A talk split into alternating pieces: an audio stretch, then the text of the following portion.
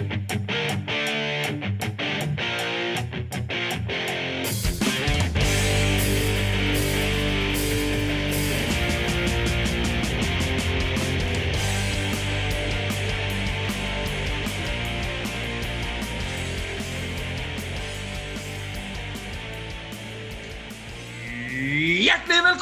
Til en ny episode av Vingepod! Endelig tilbake etter litt av koronapause. Det har ikke skjedd en dritt. Dette er episode åtte i sesong to.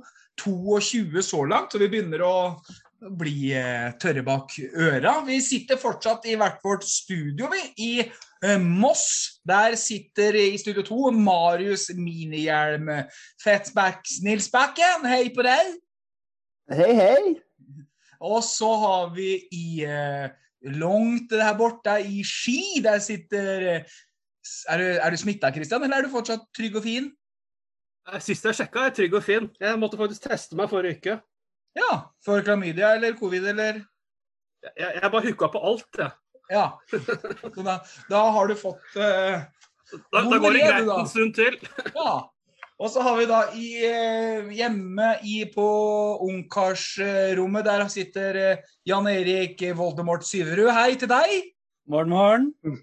Du, Jan Erik, Vi har fått et spørsmål fra han Henrik eh, Richter. Jeg tenkte jeg skulle ta det med en gang, så, vi er, i, så er vi- godt i gang. Og Gjør det. Han, Henrik han lurer på er gutta sultne, eller skal de bare finansiere studiene sine med å sparke litt fotball? Som er forståelig, og som han syns også høres fornuftig ut. da. Er det mulig å merke på spillergruppa at det er viktig å vinne noe, eller er klubben bare et springbrett? Det lurer Henrik på. Hva tenker du om det, Christian? Du er mest nerd av oss. Du og Jan Erik kjemper om den nerde... Og det, det er veldig sexy, det, altså. Men så det er ikke negativt ment å være nerd. Jeg har briller, så det mener jeg. Marius derimot har kort. Marius er kort. Det er, det er, det er Ja. Og jeg, jeg er pen. Nei, men hver- hvert fall, jeg tenker vel at det, du har vel alltid hatt noen som har på en eller annen måte bare fl flydd på den der ungdomsbølgen og vært et god fotballspiller. Og så får de seg kanskje noen reality-sjekker når man eh, kommer litt opp eh, og ikke enten helt får det til, eller havner litt sånn midt imellom. Hvor mye du skal ofre på dette her. Så det er jo et betimelig spørsmål, for all del. Men eh, jeg syns vel, eh, av hva jeg har sett i Moss sånn som i år, at uh, Shaun hadde ikke godtatt om, noen noe late gradspassasjerer. Det er den følelsen jeg sitter med. Det er betraktelig mer eh, arbeid som ligger inn i innsatsen. Slik ser det ut. Ja, vi, Jan Erik vi, eh, og Marius og eller Christian, du var jo på Kjelsås i går. Var det, eh, ja, det ble Ja. i går, for når denne her episoden her så er det ute, så er det jo søndag. Søndag kveld. Det var ja. så det blir jo fortsatt i går. Eh, Jeg og Marius og Jan Erik vi måtte jo sent på I og med at vi er fra en annen kommune, så måtte jo vi se en eh. Eh, Så vi valgte jo også og Det kosta jo 50 kroner å se en på så som så kvalitet. Det, var Hvis du sammenligner, Christian, Moss anno 2020 anno 2021, det var mye mer trøkk og passion nå. Og eh, en sak jeg har lagt merke til, også på internmatchene, at du ser at Sean står hele tida og pisker gutta. Jobb, jobb, jobb, jobb, jobb. Du, du må bare gå på hele tida. Og det så du jo veldig mot Kjelsås. da. At eh, de Det var kanskje ikke noe sexy fotball i første omgang. Mye ta og føle på hverandre. Men innsatsen er betraktelig bedre enn, i, enn på samme tid i fjor. Ja, um, du, du prater jo om han eh, Du prater jo om Sean og vi har fått inn et spørsmål til. Skal vi ta det med en gang, eller Jan Erik? Ja, og det passer veldig bra, for vi har fått et spørsmål fra Alexander Finstad på Twitter. Etter en eh, sniken 1-2-tap mot Kjelsås. Hva tenker dere vår hovedtrener Sean Constable bør gjøre i de neste treningskampene før serien starter igjen? For at laget skal bli bedre. Og det er jo litt det Det er jo egentlig et ganske relevant spørsmål for det vi skal diskutere nå. For nå, vi så jo kampen i går på Som Christian var jo inne, vi så på PC, som sagt. Eller et mobil, eller hva det var for noe.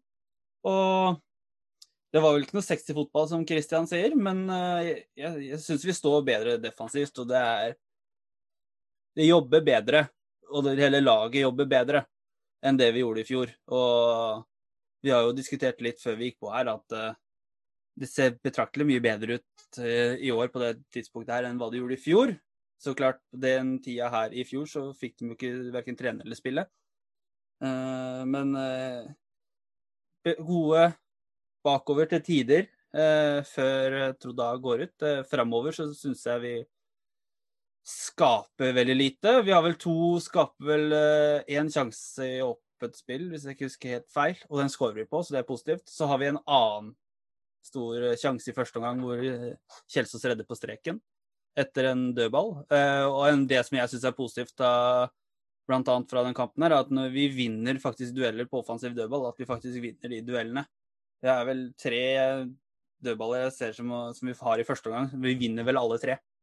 Og det er jo ikke noe som skjedde i fjor, f.eks. Men Jan Erik, eh, Kjelsås er, er ikke vår avdeling. Nei. Åssen er ståa i Kjelsås? De var jo regna som en av de gode laga de to foregående sesongene. Åssen er det der nå? Der nå eh, De er vel regna som et av de bedre laga i sin avdeling? Ja, altså, Eller? de var jo, de var svarer. de var jo relativt gode. altså Du veit jo aldri. så Kjelsås spiller fotball på sin måte. De har jo en type spillestil i den klubben der som de har hatt lenge, og det så du litt i går òg. Eh, Alltid seigt å møte dem. Ja, altså det, og spesielt på det kunstgresset der oppe som ser ut som Eckholt kunstgress, som er slitt og jævlig. Eh, og de har jo sin måte å spille fotball på. Alle de spillerne som kommer inn der eller spiller der, kjenner jo til hvordan man skal spille. Du ser at de har ikke spilt på lenge, dem heller. Men du ser at det, det spillemønsteret offensivt det sitter litt mer der. Altså, de skaper ikke mye, de heller. De skaper vel fire sjanser, vi skaper to, som jeg mener er sjanser. Eh, og de skårer på to eh, av fire, og vi skårer på én av to. Eh, men de kommer så klart til en del Kommer seg litt bedre opp i banen, da, eller lenger opp i banen før de kanskje blir brytet ned, da, ettersom at de har dette her spillet i blodet. Mens vi som kommer fra en annen spillestil til en ny spillestil Du ser jo enkelt de dem spiller presset vårt, da.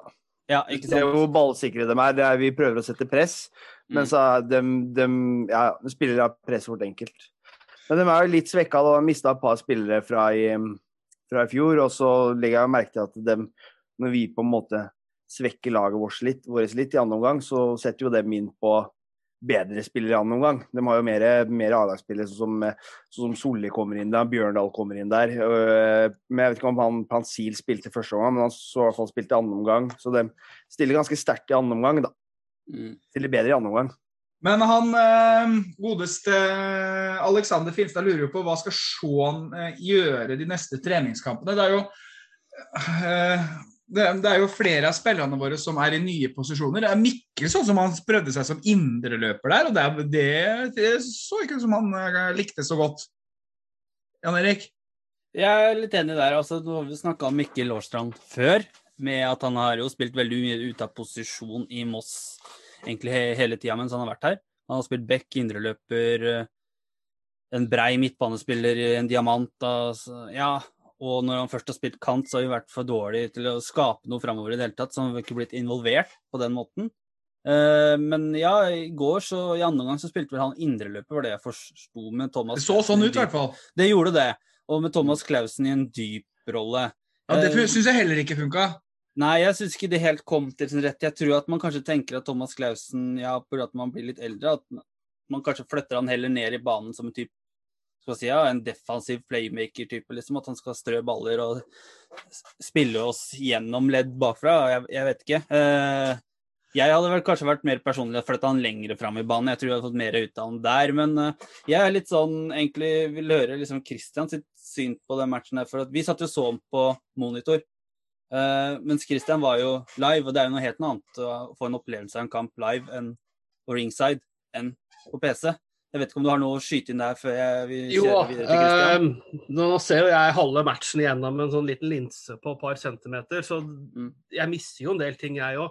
Men jeg, jeg fikk jo sånn det var, Du merka var vel noen og 60-ish minutter uh, hvor det ble en del bytter. Uh, Trudar gikk vel ut, blant annet, og Bes- Besian gikk vel ut? Eller gikk han ut til pause?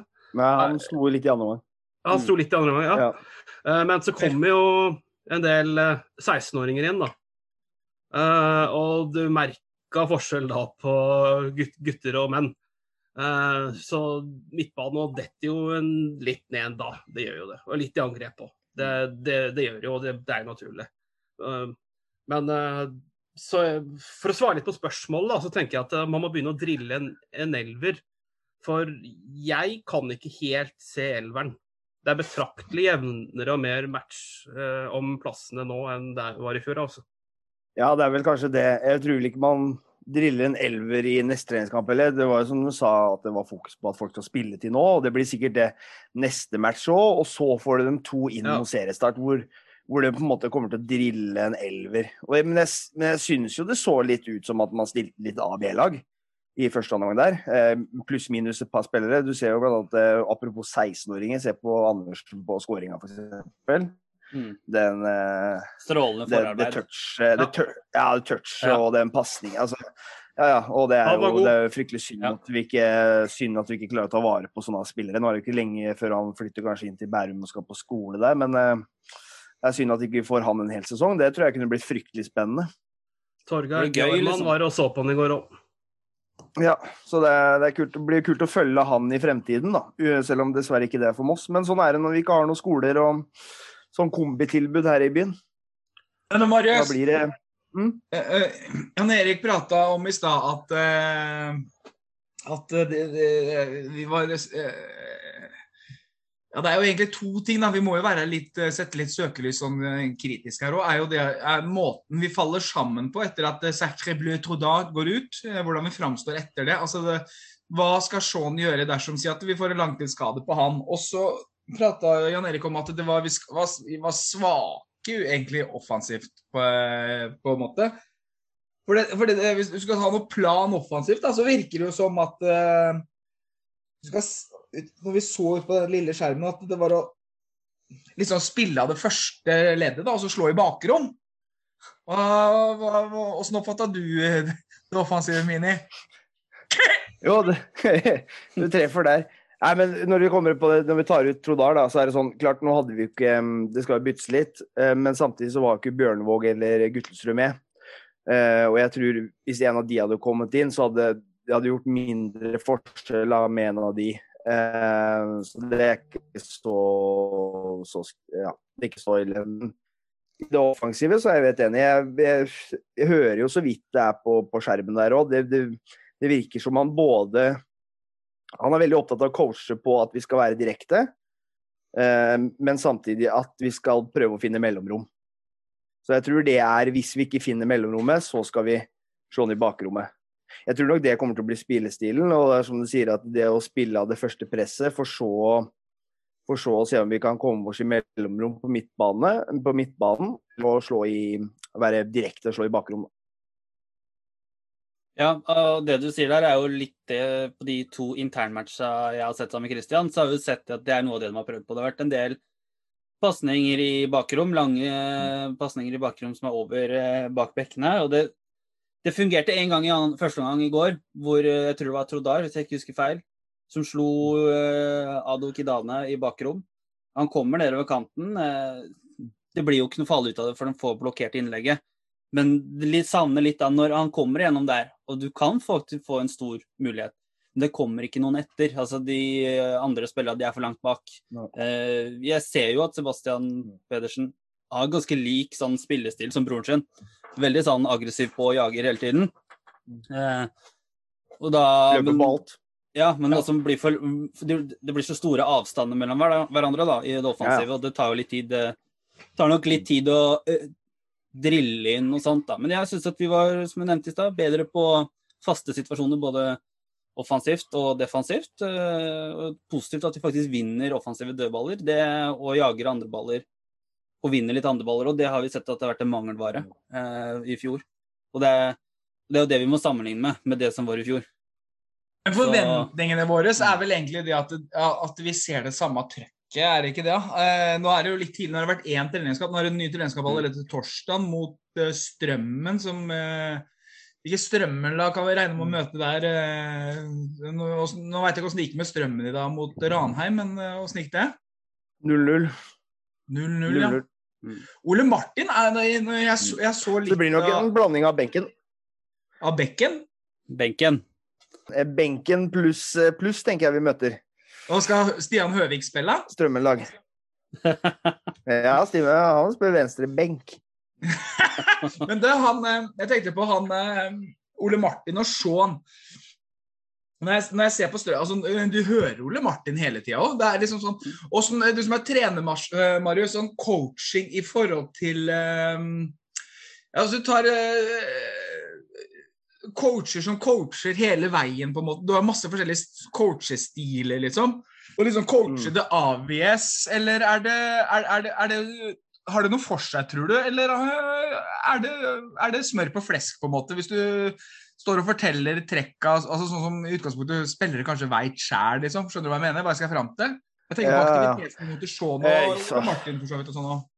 Ja, jeg tror det er veldig også, Det er som du sier, det er mange forskjellige typer å lede på. Jeg tror nok eh, Altså, det er jo eh, Hva skal man si for noe? Det er jo man, Det er jo ganske ålreit at spillere kan eh, lese litt spillet sjøl, løse litt oppgaver sjøl og uten å bli fortalt alt du skal. Eh, men samtidig så er det greit å hjelpe deg litt på veien og moderere deg litt, på en måte. Eh, og så er det jo, finnes det jo coaching på, på prinsipper og, og hjelpe de i valg, og så er det jo coaching på det å bygge opp altså psykologisk, da, og, og, og jobbe, jobbe med, med andre ting enn nødvendigvis valg og sånne ting. Så det er mange måter å Noen er jo veldig stille og rolig, men som mener at de har såpass gode forberedelser, da. At de ikke nødvendigvis må stå og, og være så aktive hele tiden. Jeg tror nok det er Det, det kommer helt an på spillergruppe du, spillergruppa du har, og om det funker om det funker best med en som er veldig aktiv, eller en som er roligere. Jan Erik, du, du, det var jo eh, Moss Avis la jo ut en greie på Facebook om eh, hvordan tror du vi havner på tabellen i år? Hvordan tror du vi vil komme i en reportasje om Thomas Clausen? Der skrev du eh, 'overleve', så er du fornøyd. Ja, det gjorde vel du òg, tror jeg? Ja. eh, Ja. ja, ja. Christian, da spør vi Christian, da, for du svarte ikke på den. Har du endra forventninger og sånn etter, ja, etter første kampen? Er du, du, du har jo også sett internkampen nå, liksom. Er- Tenker du at det- Eller jeg tenker jo at uh, det er flere lag i avdelinga vår som har uh, bedre kvalitet i stallen sin. Eh, men innsats og guts kan jo kompensere for mye av mangel på på de beste spillerne, liksom. Og, så, tenker jeg rett og slett at eh, sånn som i fjor, så missa vi en del poeng. Så det ble et tap, men vi kunne fint fått, fått en U, f.eks., i en del matcher. Det tror jeg vi skal få færre av i år. Rett og slett å bare jobbe mer. Um, og det, det kommer forresten tabelltips, så fortvil ikke. Men vi skal høyere enn det vi var i fjor. Det er uten tvil. Så det vil si at vi ikke, du tror ikke vi rykker ned i år? Nei. Du tror ikke koronaen må redde oss i år? Nei. Nei. Men, Men, eh, men jeg, ja, jeg er enig. Jeg, jeg forstår Christian. og jeg tror, Det er bare for å legge til det at overleve, så er det godkjent. og det er, det er ikke fordi at vi er negative til laget, men det er vel fordi at vi vil prøve å ha et realistisk syn. Vi var et lag som egentlig rykka ned i fjor, med god margin. Ja. Eh, og at alt annet, altså berger vi plassen og, eller andre ting, og høyere oppover, er bare positivt. altså Det tar vi imot med liksom åpne armer. og jeg, det, Det- det er bare, det jo er bare glede. Vi bygger jo et nytt lag, ikke sant? Ja. Det er det som vi på en måte må være litt obs på. Men å det- si at man skal spille topp tre, liksom, det blir litt sånn der, Det blir urealistisk. Ja. Nei, for det blir, og så ser du liksom signeringene andre klubber gjør. Altså, Vi er inne på økonomi. ikke sant? Nå virker det som Geir Hagnesson har en stram økonomiføring og, som er vel og bra og forventa og etterlengta. Og det, det gjør jo at vi har signert eh, spillere fra lavere nivå enn flere andre klubber som kanskje eh, Ja, og deretter lønninger og sånn. i- forhold til det spørs, første spørsmålet vi fikk fra Henrik eh, Var det ikke Henrik Richter han het? Jo. Jo. Eh, I forhold at, at, om det er springbrett og sånn. Altså det, Moss var jo et springbrett før. Jeg veit ikke om det er så jævlig mye springbrett nå. Eh, kanskje i forhold til unge gutter, altså talenter og sånn. Men jeg tror det er der eventuelt du har springbrett. Jeg tror ikke du eh, Være en utviklingsarena for andre klubber som kan låne ut spillere. Jeg ser jo en sånn eh, Sebastian eh, Pedersen er jo en sånn spiller som er i det, den alderen når han er 21 år. Eh, Han har kjent på eliteserie og Obos og andredivisjon. han har vel lyst til han, jo, han har vel sikkert lyst til å spille på høyest mulig nivå som mulig, så han er vel en sånn derre Kanskje ikke stresser, men han er 21 år. Han har vel lyst til å få en bra sesong og få noen kasser, liksom. Har snakka med andre som mener at han bør være en spiller som er Ut fra forventningene som de har til han, så er det opp mot 15-20 mål. Jeg vet ikke om vi kan forvente oss det, men ja, det hadde vært deilig med en spiss igjen som skåra tosifra, da. Det må Men, si, men si, si da, eh, vi må jo være litt dramatiske, og si at, si at vi ikke får resultatene. Si at vi går på noen smeller. Mm. Eh, hvor lenge tror du eh, klubben klarer også motivere seg til å holde trøkket opp og den intensiteten hvis det ikke viser seg å gi resultater? Altså innsats og trøkk, ikke sant? Og så, så får du en i trynet, liksom. Si at eh, også Trondheim skulle blitt skada, da. Og så er vi jo fort Vi er veldig sårbare med skader, er vi ikke det, Kristian? Nei Jeg tror ikke det. Tror du Ja. Bjørnevåg, Bjørnevåg og Guttelsrød fint eh, tar Trondheim? Al- Altså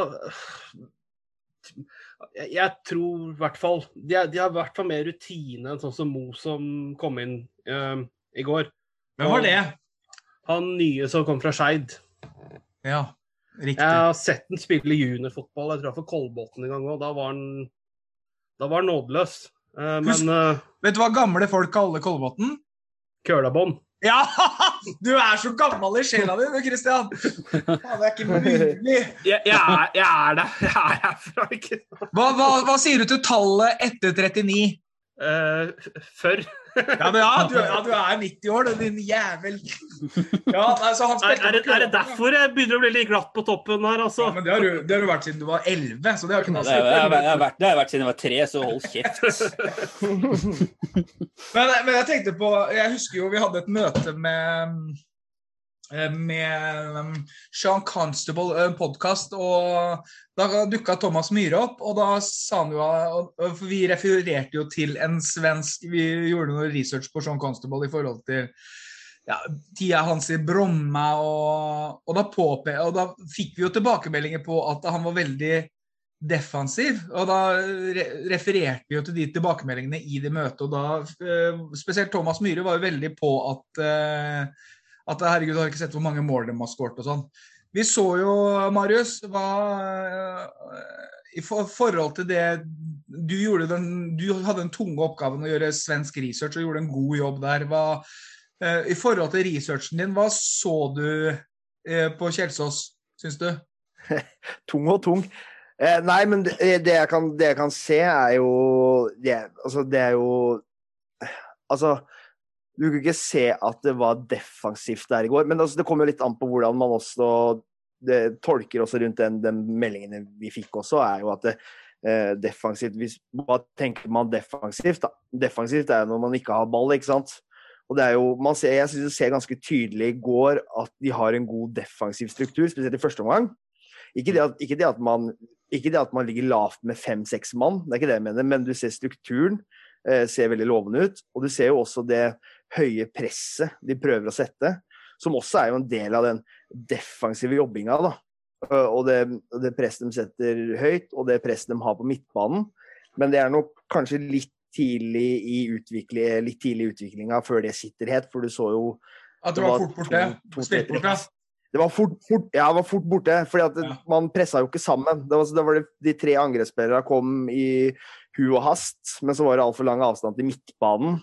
Og så kom midtbanen litt på etterskudd. Og så, altså, Ja. Det ble så mye strekk og mye rom imellom. Men man ser jo tanken der, da. Ja, man og ser det er, tanken bak og seg. det er derfor vi har preseason.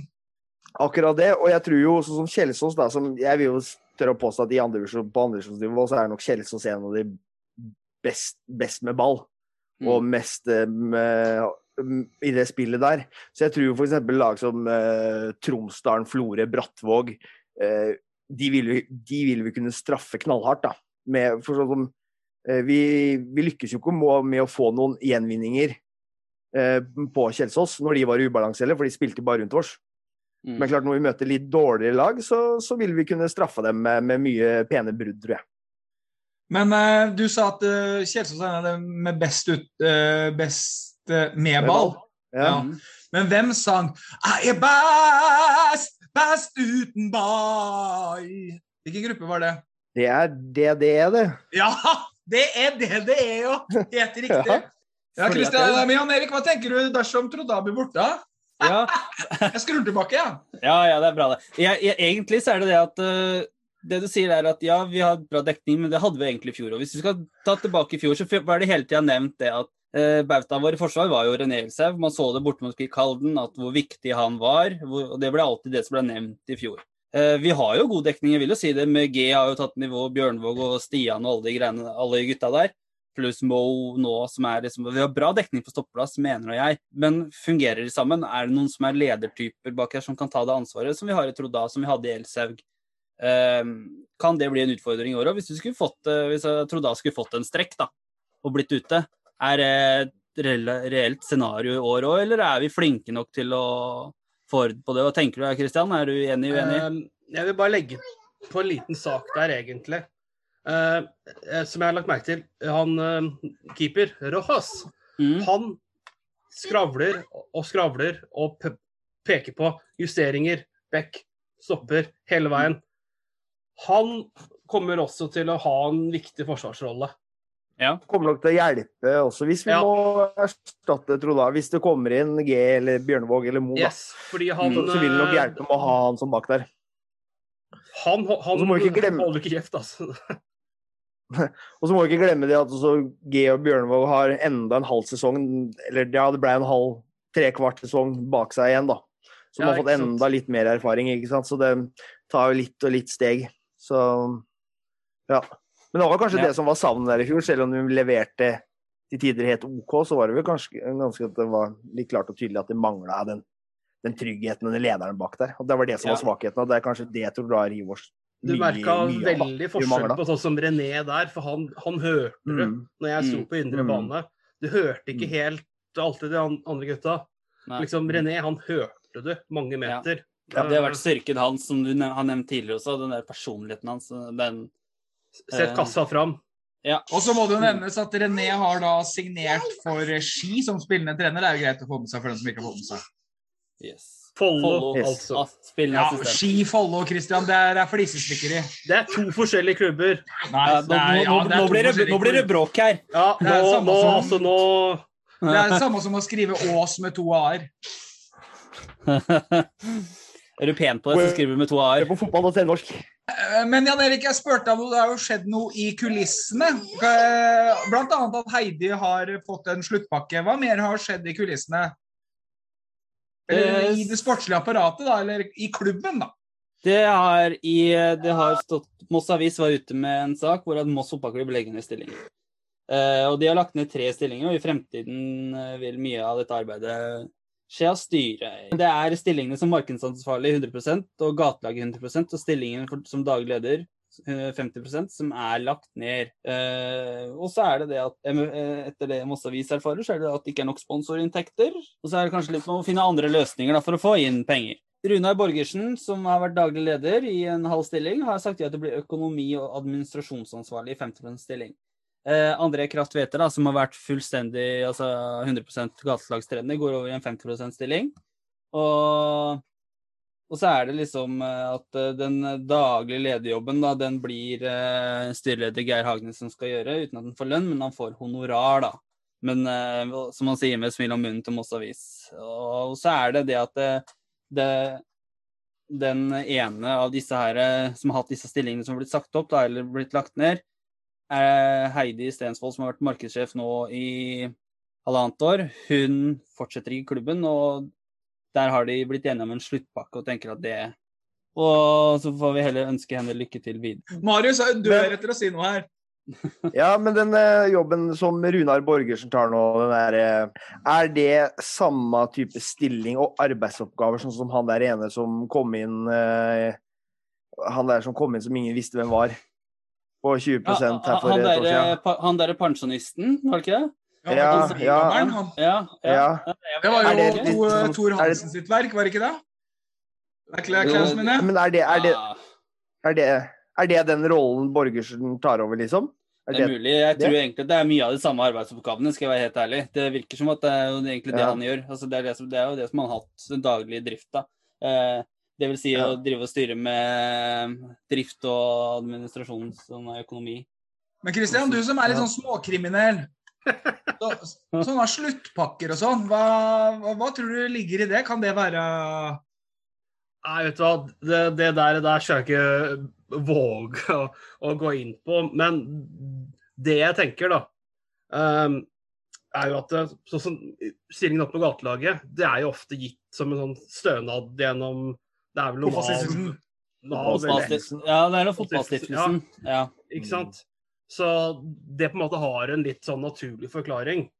Og så har, har jo også eh, Det har kom- kommet inn en sportssjef som jobbet med inn mot sponsmarkedet. Så hvis du skal se antall stillinger opp mot hverandre, så ser det kanskje litt verre ut enn det det egentlig reelt er, da.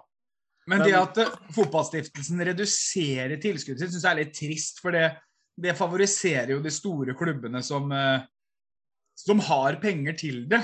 Så det er litt trist, syns jeg. Ja, det er enig. Det er jo et veldig fint eh, tiltak for veldig mange. Og nå får jo Når ting åpner opp, så får de lov til å pusse opp garderoben sin, så det er jo veldig hyggelig. Det blir spennende å se når de er ferdig med det, og hvordan det ser ut der. Vi har jo vært med og gitt eh, bidra, vårt bidrag til det. Men det er vel også litt sånn naturlig i den klubbstørrelsen og økonomien vi har, så er det, er det jo helt naturlig at det vil variere i sånn type stillinger, da. At man i perioder går fra å ha en daglig leder og en på markedet 100 til å måtte kutte litt og dele opp litt og få inn personer som kan eh, Som ja, kanskje har litt tid og muligheter da, til å ta litt ekstra jobb for eh, litt mindre lønn. Altså, vi hadde jo Torkelsen her for noen år siden på mye av det samme, hvor han tok seg ut av jobb. Men hadde jo muligheter til å ta seg ut av jobb og legge mye igjen i klubben. Og nå har du litt Geir som litt av det samme, hvor han er pensjonist da, og Mm. har tid og muligheter. Så og det er jo det er litt sånn som vi ser på veien fram til klubben tar et steg og kan legge av seg bli med høyere opp eh, på nivået hvor man da kan bli mer stabilt på, rundt, rundt i klubben. da. Men noen ganger så må man jo kutte litt da, for å spare Det er en omorganisering, rett og slett. Og så Ja. kort, for, kort fortalt, Christian. Og så tenker jeg jo også en sak at uh, klubben har jobba nå i flere år på å bli kvitt gammel moro. Og Mm. komme få økonomien ut av rød sone, endelig. Så det er vel bedre at vi tar disse kutta nå enn at det smeller etter sesongen, og så detter vi inn i rød sone igjen, og så er vi i gang igjen, ikke sant? Men eh, styret skal gjøre de oppgavene Heidi gjorde, har har jeg forstått det riktig da? Ta over de oppgavene Det faller vel mest på Geir, og så skal styremedlemmer bidra, tenker jeg. Men hvordan vil det hvordan vil det fungere i praksis sånn i, i forhold til eh, dette med sponsorpleie, business to business, eh, skape attraktivitet og sånn? Altså det, er- her er jo eh, Styreverv er jo frivillig, på en måte. og Der er det jo stort sett folk som er business owners og som er eh, travle folk. Eh, Vil vi merke en forskjell der, tror du? Tror du vi kan eh, havne litt bakpå? For det, det virker jo som det ikke er så mye penger om dagen. og det det handler jo litt om tida vi lever i òg, at lommeboka til mange er slunkne. Og NFF gir jo ikke, gir jo ikke noe uh, solidaritetsstønad. Nei, de bare truer med masse penger, de som ikke vil Som de Hva skal man si? Ja? De truer med at de må kutte masse penger som ikke er Som man Det var jo å se på terminlista, det var jo Ja. Det var ikke noe hjelp å få, nei. Nei, det var ikke det. Men jeg tror ikke, vi vil, jeg tror ikke klubben vil være noe dårligere på markedet og sånn nå. Nei, jeg. jeg, jeg, tror ikke. Nei. Tror Nei. det i forhold til Nei. nei Ja, nei, for, for det er jo som vi snakka om, at Geir er jo da, er jo da pensjonist og har litt, har litt tid, så han vil nok kunne forhåpentligvis ta den tida til å som du sier, da, pleie forholdet til sponsorer, business-to-business-møter. Um, sp- eh, sportssjef eh, virker som er en del på marked. Um, så nei, jeg tror, jeg tror ikke vi blir noe svakere der, altså. Det skal kanskje litt eh, til. Men du, eh, vi, vi har jo prata litt om Kjelsås og alt det greiene her nå. Nå er vi liksom ferdig med klubben. Altså, Jan Erik, du er jo eh, du som er nerd på Post Nord-ligaen. Hvordan er statusen i Post Nord-ligaen i vår avdeling? Eh, Det har jo vært først nå at man har begynt å få lov til å spille treningskamper, så Nå var det vel noen som spilte i dag, var det ikke det? Så noen treningskamper. Jo, Kristian, Det var det. du, du har jo fulgt treningskampen i Post Nord-ligaen i dag. Kan ikke du bare ta de resultatene kjapt? Det har jeg ikke. Tromsdalen, Alta 2-1. Ja, Vårt apropos, Store 1-3. Jeg har vært ute i sola Det var i går, da. Jeg tror, jeg tror. Ja, men apropos Alta, de har jo resignert uh, ligaens eh, største profil. Morten Gamst Hjelmersen. Mm. Han bytta navn, han. Ja. Så de har fått ny hovedsponsor på, i Alta, det er Renati. Det er ingen som bruker Renate lenger. Bortsett fra Christian. Jeg har aldri brukt det før. Altså, jeg vet nå knapt hva det er. Men er det noe eh, Christian, du som, eh, du som følger eh, eh, på snor eh, ganske nøye. Ja. Hvilke, hvilke spillere skal vi se opp for i år? Ja, det kommer et tabelltips, Så da kommer vi til etter hvert. Så da skal vi gå litt mer inn på litt sånne Kall det profiler, da, i ligaen Ja. vår. Så vi lagde en agenda som egentlig er helt bortkasta i forhold til det. da. Kan du ikke komme med en teaser? da? En, si én spiller nå. Vi hadde et lite Keep- møte før der. Ke- Ar- Ar- Keeperne til Hødd kan bli Arn, faktisk Arnold Origi. Blant annet. Yes. Keeperne til Hødd kan eh, være tungen på skåla som gjør at de går opp i år, tror jeg. Ja, Hødd er et sånt lag har som har. to. Ja, Det er to Origi. Tre. Tre som er gode. Alle tre kan Chris ikke spille samtidig. Jeg veit Arnold er her. Hvem er to andre? Ja, det- Jørgensen. Marco. Jørgensen. Ja, han. Blant Han fra. Mjøndalen. Han spilte i Mjøndalen. Yes. Ja, han er dritgod. Ja. Ja. Mm. Og så spiller han i Hødd? For han derre lille telpen, han Simsek eller noe sånt, Khan eller noe sånt, han telpen i Lyn Åris Simsek. Eh, Shimshek. Ja, han som slang så dritt. Ja, Ja. slang så mye dritt i vårs. Han har jo gått til Kvikk. Ja. Ja. Kvikk signerer som bare det. Er, er overgangsmarkedet stengt på Melløs? Ja. Han svensken, eh, hva blir det av han da? Stallen skal være satt, sånn jeg har skjønt, det- skjønt det. Han svensken sitter i karantene. Yes. Han Mm. sitter eh, Hva var det jeg hørte? Jo, det, det, ute på Årvoll. Og sånn brak, brakke... Brakkehotell? Yes. Ja. Der, sitter han, der sitter han og hygger seg. Velkommen til Moss, forresten. Ja. Rett inn i fjellveggen. velkommen til Østfolds hovedstad, din eh, gode, gamle gosse. Det- Det var han på 19 som eh, spilte på Bromma 3, er eller er det en ny en? BP, ja. Men Ja. Tror du han begynner å lure på hva han har gjort, eller når han sitter der og tenker over meningen med livet? Og ser rett ut i inn i- fjellveggen? Ja, Inni en container. Ikke Ja. sant? heldig. Så det dere sier, er at han sitter i lagerbua til Krokkingen på Årvoll? Ja, riktig. Ja.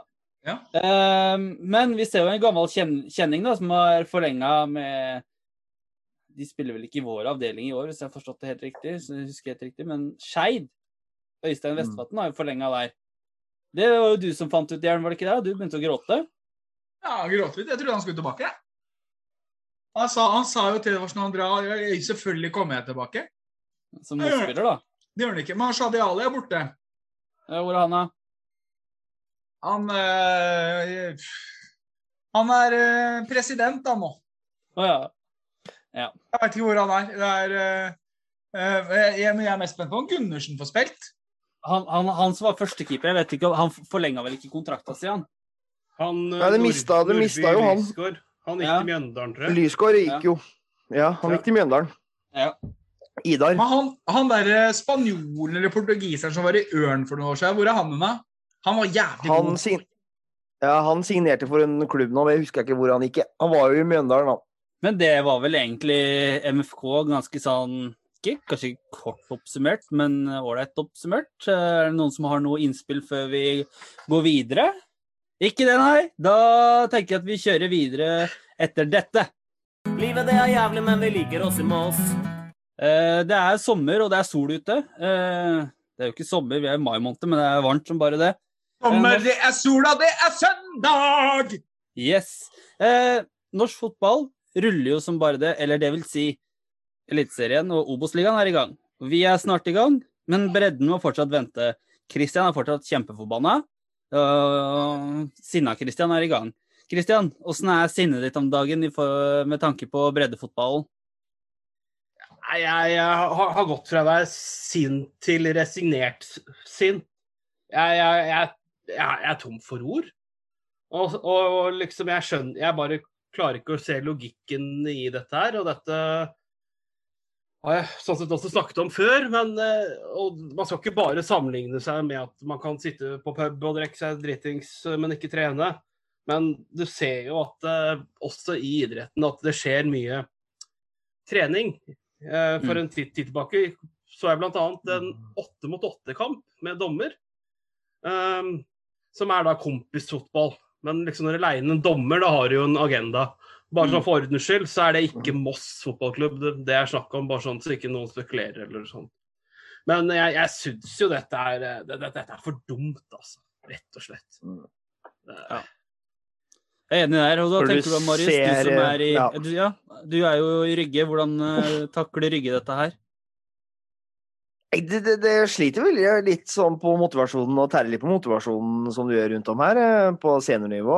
Heldigvis er jo barn og ungdom i full fart, da, så der er det jo avventer jo seriespill og får lov å spille treningskamper lokalt.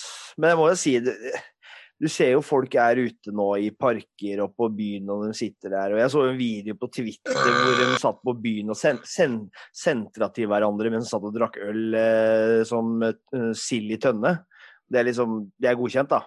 Men å møte, spille fotball på en bane i, eh, organisert, det er strengt forbudt. Det kan velte hele, velte hele smittekontrollen Norge har så nå. Det er provoserende å se liksom på det det du sier der nå. Det er så provoserende. Altså, når en først får mulighetene, Mm. samfunnet åpner litt opp, så skal folk være så jævlig dumme. Og se her og se her, og vi sitter og gnukker og jokker oppå hverandre. Det er jo dåsevann og pungsvette og sånn overalt. Faen, altså. Møkkafolk. Ta, ta dere sammen. Ta så Hold den jævla avstanden og bruk munnbind. I hvert fall bruk dong i det minste. da. Men det, det, den, den regjeringa har vært veldig flink til å sette bransjer og forskjellige næringer opp mot hverandre, da. Abid Raja, Abid Raja, Abid Raja. Ja. Og, men eh, det er Ja, jeg skjønner at det er provoserende for noen, men samtidig så er det jo det, Den bransjen som også er lidd ganske mye, da, som alltid tar og refererer til, det er jo den bransjen jeg har jobba i i 13 år, utelivsbransjen. Og de har jo blødd der òg. Men jeg forstår jo at folk vil ut når er, du ser at det er sol, pent vær, det er varmt. Man blir oppfordra hvis man skal treffe andre, og møtes ute. Og da møtes man jo der det er eh, flekker. Man kan møtes eh, og ta seg en øl eller to. Det høres jo ganske sjukt ut når det er opp mot 700 000 stykker i en park. Ja, det er jo det. Eh, jeg, jeg forsvarer ikke, men han har jo en forståelse. Altså, den vinteren som vi har vært igjennom, da, har jo vært ganske tøff når du ikke skal treffe noen. Kristian, hva tenker du? Jo, men jeg, jeg, jeg har jo hele tiden sagt at det, det, det må være lov med to tanker i samtidig. Mm. Og man kommer egentlig ikke noe vei med å bare sette ting opp mot hverandre hele tida, med fest mot fotball. Mm. Som litt Man har gjort litt for mye. Men, men, men det som på en måte slår meg med det, er at eh, Og for guds skyld, faen folkens, rydd opp etter dere. Det derre TV-reportasjen som var fra en eller annen park i Oslo. Det, det går an å ta med søpla si hjem. Rett og Mm. slett, altså. Uh, ta litt samfunnsansvar. Men det som uh, jeg blir bekymra på med dette her, er at skal da bredden blitt enda lengre offer hvis smitten går opp pga. dette her? Mm.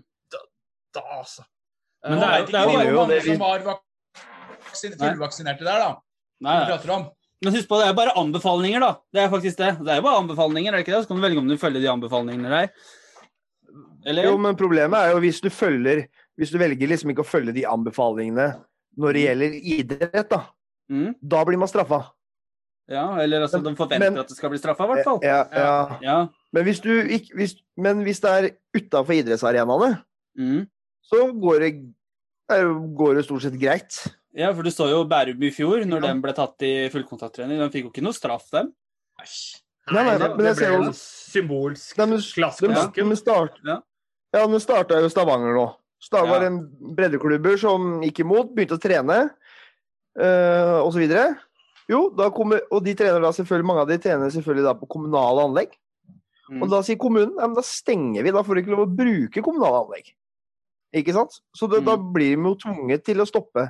Så, de, så en såkalt anbefaling er jo ikke en anbefaling for de, fordi at når de da velger å ikke høre på anbefalingen, så er det andre organer som kommer og stopper aktiviteten. Men det som også er greia der, at det, dette har visstnok vært tolka litt forskjellig. For det som står som en anbefaling, har lokale myndigheter eh, mulighet til å si er en regel, sånn som i Oslo Mm. Så har de vært beinharde på det at nei, selv om det står ordrett anbefaling, pang. Men jeg, jeg tenker jo at det, eh, La oss kalle, si det som det er. Det skjer mye Nå sier jeg kameratfotball i herme hermetegn. Og sånn som når jeg da ser liksom åtte mot åtte med en innleid dommer og det er sånn, er det ikke bedre som med utelivet, da, at i hvert fall du må på en måte registrere en på vei inn. Litt Mm. mer ordnede former. Smittesporing og sånt, ja. Ja, ikke Ja. sant? Mm. Jeg, jeg tenker jo at det også er smittevern i praksis, jeg. Ja, men Det har de jo i Yngres. da. Det var i hvert fall det i fjor høst. Så var det at det var smittesporing. Du måtte registrere deg hvis du skulle inn og se på ungene dine spille kamper og Ja, sånne ting. ja. Så det burde jo vært eh, mulighet der òg. Og ja, altså smittesporing. Og vi ser jo dette her av hvordan ting tolkes, da. Det er jo, kan jo bare dra tilbake til eh, utelivet. altså nå har det jo vært sånn, når det åpna for at du kan kjøpe en øl uten å måtte kjøpe mat. Og Det har jo vært sånn fra sted til sted, kommune til kommune, hvordan man må tolke dem. For at det ligger opp til hvordan du kan tolke det sjøl. Altså, det står at du må kjøpe alkoholservering ved mat. Alkoholservering er kun ved kjøp av mat. OK, mm, skal du kjøpe deg en karbonade med egg, eller må du faktisk kjøpe deg et fullverdig måltid? Det er jo litt det de er ute etter, men samtidig da, så er det jo noen som vanligvis liker å gå ut og ta en flaske hvitvin da, og kjøpe seg en fiskesuppe, og fiskesuppa kan være en forrett. Så skal man ikke få lov til å kjøpe den forretten, da. Og så er det ikke godt nok som mat. Altså det blir sånn. Og så, er det andre steder hvor det er ja, skal du ha en ny øl, så må du kjøpe deg en ny mat. Mens andre er sånn du kan kjøpe deg som de sier da, en karbonade med egg, og så kan du ha den på bordet hele dagen. Det er jo litt hvordan Føles litt forskjellig. Ja, det er litt hvordan du, opp, du kan tolke Mm. det selv, da. Har jo egentlig disse her myndighetene kasta ut til hvert enkelt sted, og så er det hvordan du tolker det sjøl. Mm. Men eh, det er vel egentlig men, uh, Dette er jo noe vi har prata om egentlig hver jævla gang vi sitter i disse greiene her. men Det er helt naturlig. Det er jo hverdagen Ja. vår. Men jeg syns det er helt vanvittig at vi har på en måte nådd det punktet at det er Breddeidretten er liksom Mm. Etter så lang tid i et jævla gissel ennå. Ja. Jeg føler liksom at det er, ak det er akkurat som det er breddefotballen spesielt. Breddefotballens skyld at vi har hatt den pandemien og oppblomstringa som har Ja, du, du, at jeg føler at skylda legges der, det, liksom. altså. Ja, Eh, at det er liksom det er det, som, det, er det, det er det farligste du kan gjøre nå. Det er å spille fotball. Du må ikke finne på å spille fotball. Det, det er noe av det farligste du kan gjøre. Og det, ja, det er fælt. Det er, det er jævlig synd. Det er det. Men eh, som jeg nevnte, det er sommer, det er sol. Og de europeiske ligaene rundt omkring er jo nå ferdigspilt. Europeiske klubbturneringer er ferdigspilt. Eh, Christian, ja, Brentford rykka opp til eh, øverste nivå i år. det var eh, spesielt. Ja, du har jo et litt forhold til Kanskje ikke forhold til den klubben, men Ja, jeg, ja, gamle, hjemme, gamle hjemmebanen deres har du et litt spesielt forhold til. ja, jeg kan jo bare sånn sett ta det kjapt, da. Um, Ja. For lang historie kort. Jeg bodde i London en periode, og eh, jeg fikk bl.a. gratisbilletter til Brentford gjennom en jobb med litt sponsorbilletter. Eh, så, så jeg har jo faktisk opplevd eh, liksom et sånn kjedelig League 2, League 1-lag, liksom. Mm. Og så ser du nå eh, Ære være. Men uh, de har kjører moneyball-metoden. Uh, litt, ja, litt sånn som alle Moss kanskje også jobber. Du søker en type spiller, ikke bare på markedsverdi, men Mm. en rolle. Og kjøpt billig, solgt dyrt. Klart å få bygd seg opp. Men uh, i og for seg en ganske kul klubb, altså. Det, Ja. det må sies. Og spesielle fans. Og for de som ikke har på en måte hørt om dem, da, så er, er det rett og slett en sånn liten inneklemt klubb i Øst-London som var mest berømt for at de hadde én pub på hvert hjørne av stadionet sin. Mm. Gamle Så- Griffin Park, var det ikke det? Yes! Ja. Som for øvrig da var en del um, Var eid av Griffin bryggeri, en dag en del av Fullers bryggeri. Uh, så du må jo på en måte ta the B-run når du er på, på match der, men den er jo nå borte. Det blir boliger. Men vi ser jo rundt om i Europa så har du jo Atletico Madrid ble jo seriemester i La Liga, og så har du ditt gamle lag Christian, Manchester City. Han har blitt Premier League-mester. Gamle. gamle. Gamle, ja. Uh, Bayern München Ja, det var vel ikke noe bombe. Og så har vi Inter, som tok skalpen på Juventus, og Conte resignerte med flagget til topps. Ellers er det jo europacupene, så var det jo Villarreal som tok Europa League foran Manchester United på en ganske ellevill straffekonk. Eh, og vi hadde en Champions League-finale mellom Manchester City og Chelsea, hvor eh, Chelsea kunne strekke det lengste strået. Det jeg syns er litt deilig, da, som vi har sett på disse her på slutten av disse ligaene nå, er at publikum vender tilbake. Og når vi snakker om publikum, så ser vi også publikum i Norge. Det er litt verre der. Vi ser Vålerenga sliter, vi ser Lillestrøm sliter. For Lillestrøm som hadde 20 stykker inne sist hjemmematch. Så du kan jo ha flere, som Ivar Hofstad, du kan ha flere folk på rutebussen i sentrum enn du kan ha på Åråsen, som har plass til 10 000 tilskuere. Du kunne hatt sikkert 3000 inne uten noe problem. Men, Mm. men tilskuerne er jo på vei tilbake. Ser vi en lys i tunnelen av dette her som vi akkurat prata om rett før vi begynte å prate litt fotball igjen? Ser vi noe lys i enden av tunnelen? Christian? Jeg syns jo det. Ja. Uh, og får du tilbud om vaksinen, vær så snill, ta den. Fordi Ja, ja. det, er, det er en del av fellesskap, og det er eneste veien altså, for å på en måte bli kvitt komme til dette jævla helvete. Det er det. Unnskyld, unnskyld språket, men Men i forhold til vaksine, så er jo det eh, Det går jo så tregt i dette landet. Så dem, dem som har fått den første dosen av AstraZeneca, er jo gått ut på dato. Mm. For Den varer jo bare fire-fem måneder. Seks måneder. Eh, Nå er jo ny forskning som sier den jeg har tatt, skal vare et år. Jeg var fullvaksinert i mai, nå i mai, da. Så jeg gleder meg jo. Men eh, hvor mange kan vi slippe inn på Meløsa? Er det bestemt? Det ligger vel på nasjonale, er det ikke det, Christian? eh, ja, når du er ute av det største tiltaks... eh, høyeste tiltaksnivå, så er det vel det. Det er 200, da? 600? Ja, jeg vil tro det. Ikke arrester Mm. meg helt på det. Men sånn som jeg merka i Oslo i går, så var det jo 50 totalt du kunne ha inn. Mm. Så det, det blir jo litt sånn der På en rart. stadion som tar 16 000. Jo, jo, Kjelsås, men ja. Men, men, men, ja, men ja, men å tenke Vålerenga her, da. ja, ikke sant? Ja. Ja, akkurat det samme der òg.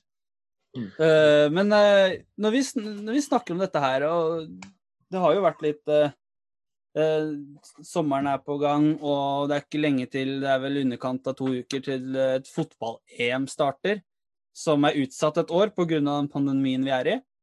Og der skal man ha landslagene Europa rundt. Er Norge med? Nei, Norge er ikke med. Vi boikotter, vi. Stemmer det? Var det Bare- den vi skulle boikotte? ja. Blanda, eh, blanda. Terje Lønsen. Nei, dæven, det er feil mesterskap vi boikotter, ja. Ja, ja. Ja, det sluttspillet her er jo hele Europa med, utenom Norge og San Marino, tror jeg. Med resten er vel med. Nord- Nord-Makedonia er jo med, faktisk. Ja. Ja. Finland òg. Finland òg. Finland Men eh, er det en Ja, ja. spiller som fortjener en siste runde med gutta, så er det Goran Pandev. Eh, for de Ja, som han ikke med har penisåret. Ja. For de, for de som ikke vet hvem Goran Pandev er, sø søk han opp på billedsøk på Google. Mm. Han er litt tynn i flisa og har hatt litt uheldighet med vikene. Det som er morsomt med Goran Pandev, det er jo at han har jo faktisk trent på Meløs, han. Aha. ja. Når Norge skulle møte Makedonia for sikkert 11-12 år siden, så hadde jo de eh, forberedelsene sine på Meløs. Så Makedonia var jo hadde treninger på Meløs, og da var jo Goran Pandev der. Husker dere Valderama? Ja, han eh, Var ikke på Meløs. Nei, Det er ikke som vi veit om, i hvert fall. han han kul, kul, kul spiller, da. Uh, Ja. Masse hår. Det er vel egentlig det. Vladan Grovica Han hadde jo vanlig hår. egentlig. Ja. Husker dere eh, Årets Gretsjka? er han, ja. Amerikaner, var det ikke? Run, Amerikaner, ukrainer. Ja. Ja. Fotball-EM, Europa rundt med publikum og sånt. Hva tenker vi om det? Er det en god idé? Jeg vet jo EU er opptatt for fullvaksinerte kan reise rundt uh, uten karantene og så videre. Jeg vet da søren. jeg, Det Men jeg tenker jo det, Er ikke en Men det har jo blitt så jævla svært at det, liksom, det blir nesten bare Hva blir det? Frankrike og Tyskland ellers, eller kanskje England, også, som Mm. kan på en måte ha det. Ja. det. Det er ganske mange plasser det skal ha dette her nå, altså. Ja, det er jo både Er det ikke noen land som har trukket seg? med. Nei, Det er ikke noen jeg, land som har trukket jeg, jeg, tror ikke de trakk seg, men de kunne ikke garantere tilskuere eh, når smittesituasjonen var sånn da. Mm. okay. Så sånn det ble, det ble kall det tvangsflytta fra dem fordi de ikke kunne garantere tilskuere. Men kommer EM til å være sånn her i framtida? Nei, dette her er vel egentlig på grunn av at det er et fem... I fjor så var det jo egentlig 50-årsjubileum for første gang EM ble arrangert. Så da skulle man feire det med hele Europa. Egentlig For meg så er det som at du spiller kvaliken på nytt, bare i et mesterskap. Det er det jeg Ja. sitter Ja, igjen med. Ja. Jo, jo, men, men reelt, da. Hvor mange land kan liksom Og, og så har du, har du en sånn greie om å huske at det, disse pampene, hvis du først får smaken på at hver kamp skal ha billettinntekter fra 80 000 tilskuere Nå bare tar jeg et tall, da. Ikke Mm. Men det begynner å snevre inn steder du kan ha dette her. Er Ganske kraftig, altså. Hvis dette skal bli standarden. Ja, da, da er, blir du avhengig av at du har land som samarbeider da, med å ha Ja, ja. som du hadde med Polen, Ukraina og Østerrike, Nordisk kunne hatt. Ja, også, ja, Island, Norge, Sverige, Danmark, Finland, liksom. Det er Skandinavia. Ja, det er vel ikke. Norden, sa jeg. Ja. Ja, jo, ja. Men det hadde vært Norge, gøy å Danmark. hatt eh, Ta for eksempel, da, på Ullevål. Ta Makedonia og Sveits, for eksempel. Jeg tror ikke det hadde gått, det, altså. Jeg tror jeg hadde blitt hjemme. ja, ja. Hadde ikke Jeg brydd hadde meg. ikke brydd meg. Men det er jo, det er jo vi, vi, vi som idrettsnasjon, vi skal jo bare være med, vi skal ikke være med å arrangere. Nei, det, Det er jo det som har blitt greia nå. Altså, Vi skal bare være med, vi skal ikke arrangere noen ting. Eh, Vi Selv om være Norges med fotball- heller, vi. Men uh, Norges Fotballforbund håpa jo på at de skulle få én match, da. Eh, Etter greiene her når det ble klart for noen år siden. For da sa de det at eh, ja, ulv, altså minimumsantallet på en arena med sitteplasser var 30 K. Ullevål tar 28. Men de håpa på at de skulle gjøre et unntak. da. Det er litt sånn typisk Norge, er det ikke? Ja? Å Ja, håpe ja. å gjøre unntak. Mm. Fine oss. Og så kommer det til stykket der vi skal ikke være med å arrangere noe. Det skjer er ikke. jævla Ja, For de har ikke wienerbrød på tribunen, liksom. Det er greia. Det er så korrupt. Det er så korrupt, det der greiene her, altså. Men, Men eh, gutter, yes. eh, eh, Marius, hva skulle du si? Jeg bare klødde meg i huet. Nei, Marius begynner å bli sliten når han sitter her med tau i hånda. Ja, nå skal jeg ta, ta kvelden. Nå orker han ikke mer. Er det så varmt? Ja, Ja. og grunn, Grunnen til at Marius sitter med det tauet i eh, hånda, er jo fordi at det var det jeg tenkte å ta opp, er jo Obos-ligaen. Mm. Vi møter jo Strømmen eh, til torsdag. Strømmen er drømmen. Men uh, hvilket lag er det som leder Obos-ligaen? Det er ikke det kvalmt, gutter? Hæ? Du, du, det, det, dette står ikke i kjøreplanen, og da nekter jeg å snakke om det. Nei, ikke Det jeg er, eh, Hvorfor er du så glad i dem der? Du elsker det, dem, du. Det er enten dem eller oss. men- det er alltid sånn. det. Det er- Du ja, elsker men dem. det som er Det er det beste det som som- fins i livet ditt. Det er det der. Ikke kom nå. Du elsker dem. Det er jo det som engasjerer deg mest. Det er jo Moss fotballklubb og dem. det, det som er eh, Det lyser er, opp av hele ansiktet ditt, jo. Eh, ar- Artig er Ja, Hva da er så artig? det er eh, hvor fæle folk de egentlig er, de folka der. Det er liksom sånn det er Ja, liksom, det at nå, er det, nå, nå, står, nå står det i avisa står det, Hvorfor kan vi ikke prate om opprøkk? Vi har spilt tre kamper. Hvorfor kan, skal vi søke Champions League med en gang? Men det, altså, det er eh, ja, det er, eh, og det er, Nå er de så happy og fine. Men det er klart de er happy og fine. Ingen av dem skal på jobb i morgen likevel. ja, Roten til alt vondt. Det er penger, religion og Fredrikstad. Det har vi sagt det. Da har du roten. Det er, litt- det er, de, tre, det er de tre verste tinga som fins. Ja, det får du ikke. Det er, eh, det er Heldigvis så går det an å klippe, sier jeg bare. Mm. Det er eh, klippe, Bløkka-tema. klippe, Ja. klippe Strengen. Se- ja. Sett inn valgfritt ord. Men eh, eh, Start og Ålesund og sånn er ute og kjører? Ja, vi Ja, det er jo det er jo mye Ja, altså, men det er Start vant i dag mot Ålesund. Ja, Ja. altså følger jo, Du følger jo litt med på Twitter, så ser du en del Start-fan, og det er jo, er jo de, de er ikke helt fornøyd med hvordan det drives der nede. Det der starte en drøm og sånt. og Det er vel ikke akkurat eh, åpenhet som er det store der nede. Og så har du jo Brann, da, som ja, de har hatt en opptur i dag, men det har vel ikke gått så bra der heller. Det er mye, det er ikke akkurat så god, god stemning i Bergen heller. Det er Eh, det er deilig, det. Det er en by som tåler mye motgang, det. Men Men Mjøndalen, Men er jo Mjøndalen er typer. Så dere ballen var inni seg, eller gutter? Nei, men jeg så dommeren i Tromsø-Sarpsborg viste ut feil mann. Dårlig dag på jobben. Ah, Ja. hvordan går, hvordan går Feil det mann? Eller, kort. eller hvordan går det Ja, på- På Konsto Arena så var det han derre er, altså Noen assistentdommere kommer alltid i vinden. Mm. Hvem tror dere var som var assistentdommer eh, på Konsto Arena? Altså sånn, eh, Dere trenger ikke å vite navnet, men liksom eh, Han har blitt omtalt flere ganger før. I Jeg denne det episoden her. Ja, nei, altså omtalt i fotball. Kråkerøy? Hæ? Kråkerøy? Fra Kråkerøy? Det er ikke Ole Valen. Det er ikke Han er ikke linjedommer. Men eh, det er han Det var det derre jeg lurte på. Ja, nei. Han, han er hoveddommer i Obos-ligaen. Men det her eh, var jo Ja. tippeligaen. eh, Mjøndalen, eh, Ja. Molde. Nei, det er han derre musikk i ø, lurerne.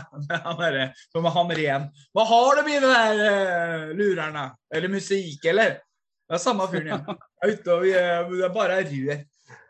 Men nå tok jo han Wolf Eikrem på seg skylda, da, fordi han lå jo på streken.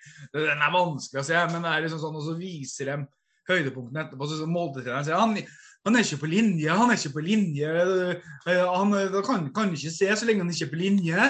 Og så ligger jo Wolf Eikrem der, og det har vært et skudd, og det har vært en retur. og... Men Når ting går fort, så er det ikke alltid lett å komme seg. Og så har vi ikke Goal Line Technology, som det heter. Goal Line Technology, from, they come from England. Uh, not in to Norway, not to Norway yet, but it's possible it's going to come to Norway, uh, but not now. Um, så det Men hva skjedde i Tromsø, Marius, når vi bare prater rør? Det ble straffespark.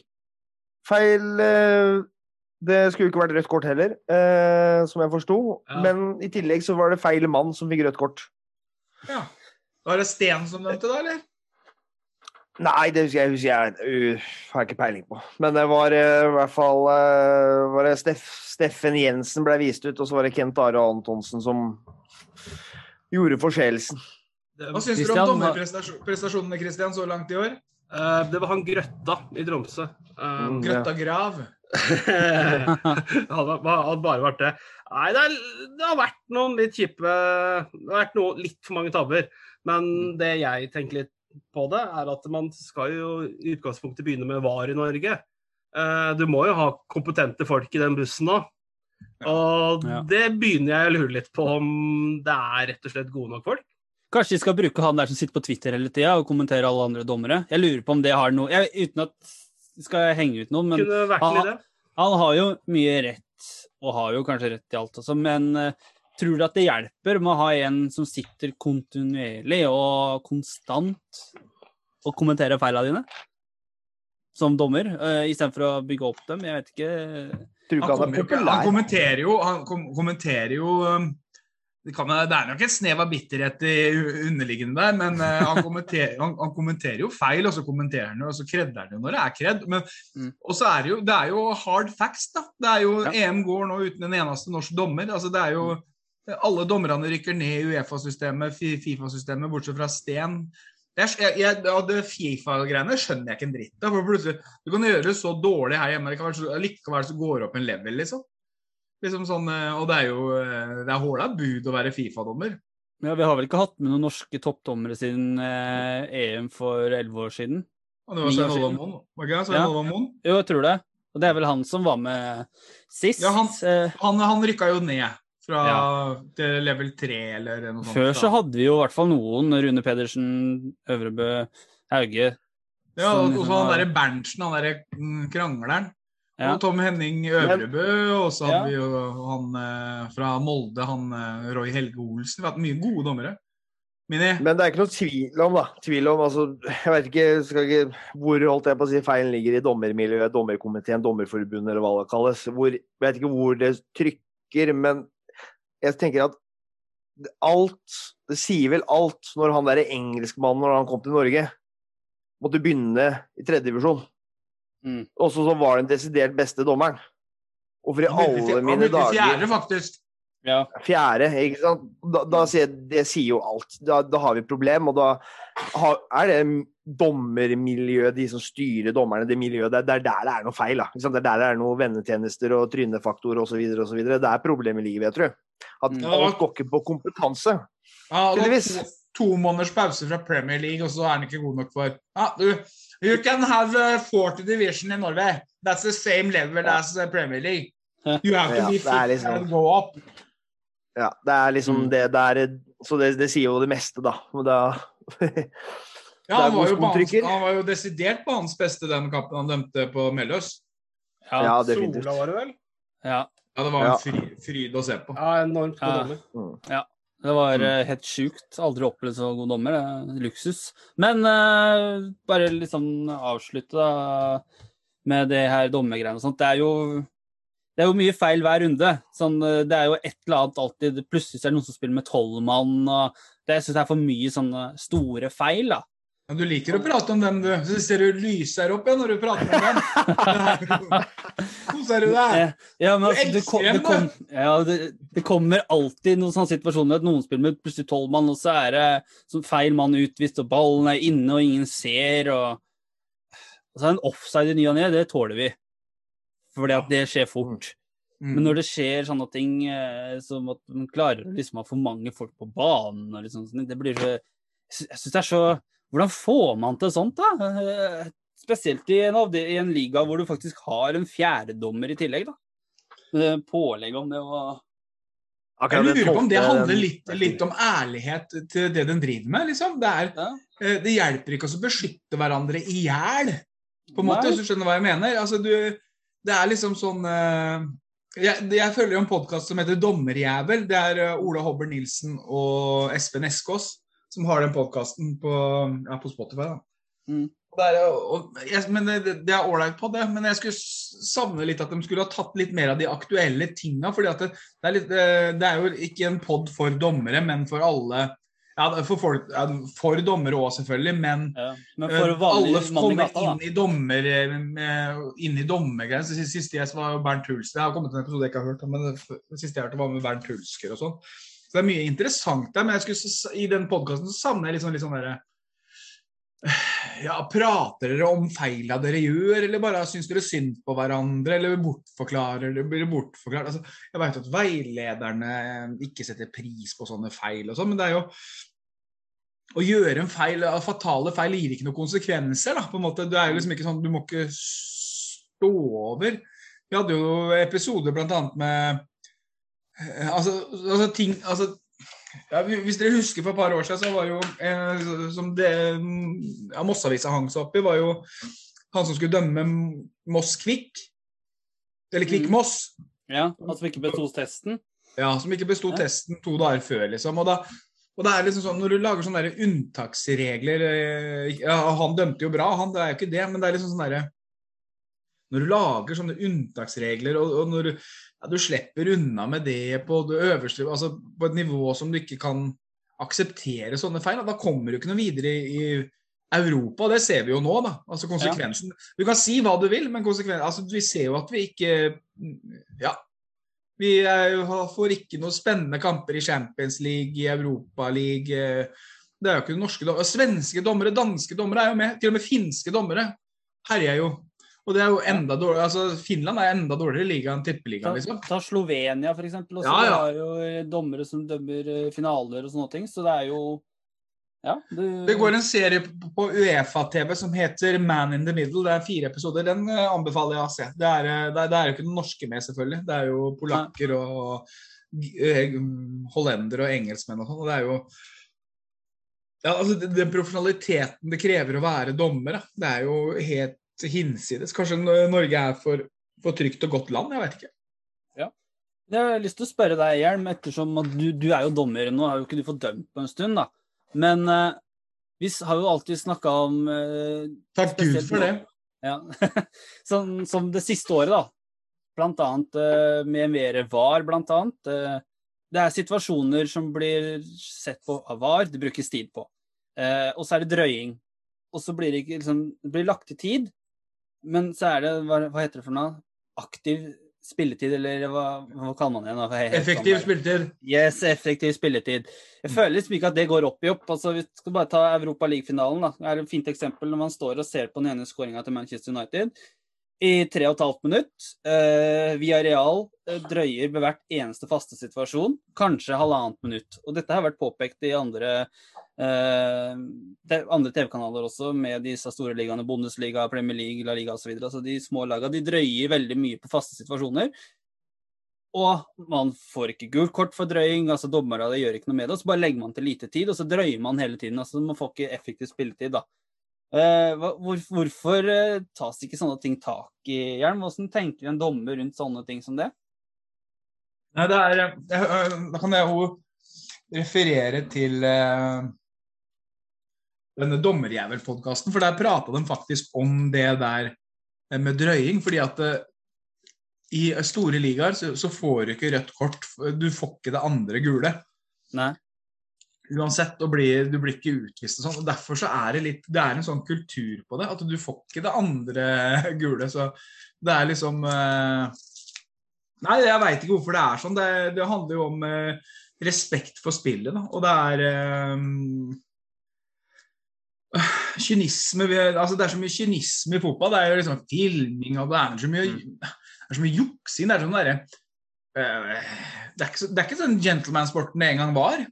Det er liksom eh, Det er nesten forbudt å få blod på knærne. Det, det er jo Fotballen har blitt en sånn derre ja, kynisk eh, utspekulert sport for eh, hvor kjeltringene ofte vinner, faktisk. Ja, det gjelder både av og på banen, det. Ja, så det er liksom eh, så Det er ikke lett å være dommer, og så er det liksom Og så er det jo nivå altså det er jo altså, En ting er femtedivisjon der jeg surrer rundt, liksom, og en annen ting er jo eh, at det skal uh, Regler er jo regler, men altså det eh, Det er jo Du kan ikke kjøre samme linje i femte som i tippeligaen, liksom. Men det Nei, men du skal jo, da skal du jo ha øye på mer, altså du skal ta offsidene sjøl og sånt, men når du ser på disse store ligaene, eksempel, som vi nevner her, at eh, jeg syns det er så rart, og merkelig, at når det drøyes halvannet minutt på en femmeter hver eneste gang, og så blir det lagt til tre minutter, liksom, da blir det sånn OK, de har hatt åtte femmetere, og de har brukt god tid på alt, og liksom tar den lengst unna der ballen gikk ut og sånne ting. Det blir sånn bytte spiller og ja, og så blir det sånn eh, Ja, dette altså, Ta et kjempefint eksempel. Her er Burnley som gjør det. Å, se på Burnley! Eller Stoke, liksom. Så er det, å, det spiller sånn typisk sånn derre Legger eller, ingenting imellom. Men hvis eh, Liverpool hadde gjort det, så hadde det vært sånn bare Nei, dem kan ikke spille sånn. Mens hvis Burnley gjør det, så er det liksom deilig å se på. Enda de står oppe med albuer og bryter alt av regler og sånne ting. Men hvis det hadde vært eh, Liverpool, så hadde det vært eh, fy-fy, liksom. Så det settes andre forventninger til kanskje eh, lagene også. Marius, du som, eh, du som er, i, er i breddetrener, hva tenker du om det der? Lærer du gutta dine å lure systemet? Nei, ikke filming og sånn. Det gjør jeg ikke, ikke juksing og sånn, men eh, jeg prøver å lære dem det her med å få dem litt inn på den der Ja, lære seg å vinne. Hva gjør man hvis man leder? Ikke sant? Man lære dem akkurat ikke, ikke så veldig mye inn på det, da, men lite grann. Altså, man må bli gode på å lede. Man må, Mm. man må, uh, man må, man må tørre å bli litt sånn i Norge òg, sånn som man er i Spania, Italia. At man må tørre å bruke litt tid. Altså, det, står jo, det står jo ikke noe sted i regelboka at du skal f.eks. spurte og hente ballen ved et innkast, eller at du har tre sekunder på deg til å ta frispark, eller tre sekunder på å hente ballen til fem meter. Så litt sånn veldig sånn enkel kynisme, da, for rett og slett en læring av å vinne og kunne holde en ledelse, da. Ja, det, for er, det det er liksom ikke noe filming og slag og sånn piss, det, det gidder jeg ikke. Men rent på det med litt kynisme når vi leder, da. Men mye, ansvar, men mye ansvaret må jeg si hviler litt på spillerne sjøl også, når det kommer til et visst nivå. Jeg skal, ta, jeg skal ta et eksempel. Jeg skal bruke navn, fordi det er en spiller som tåler det, som i hvert fall ikke hører på denne her, podcasten her, og det er Biffen, Lars Petter Hansen, som eh, nå trener gatelaget til Glomme og var eh, stjerna til Glomme sammen med han der eh, Ringberg, som spilte i Moss. Og det er jo eh, Han har spilt på Haflund i Det var vel sjette divisjon. Og han er, jeg ser jo at han, eh, jeg ser jo at han er type, liksom. Men jeg ser ikke at han Jeg ser at han er, bruker musklene i gåseøynene effektivt og sånn. Får mye, får mye fint der. Men så er, det, så er det Etter kampen så kommer det to forsvarsspillere bort. Og så bare viser de meg sida si, altså på sida av overkroppen. Og det er tett i tett av klypemerker og blåmerker og faenskap, og på ryggen og anklene deres. Der er det sånn kuttskade rett over anklene. Og det er sånne ting som er helt umulig å se, da, sånn, eh, når du skal følge med på 22 mann og dømmer alene. Og jeg tenker at eh, når du har vært proff og sånn, så, ja, ja, så har du jo lært deg litt tjuvtriks og sånn.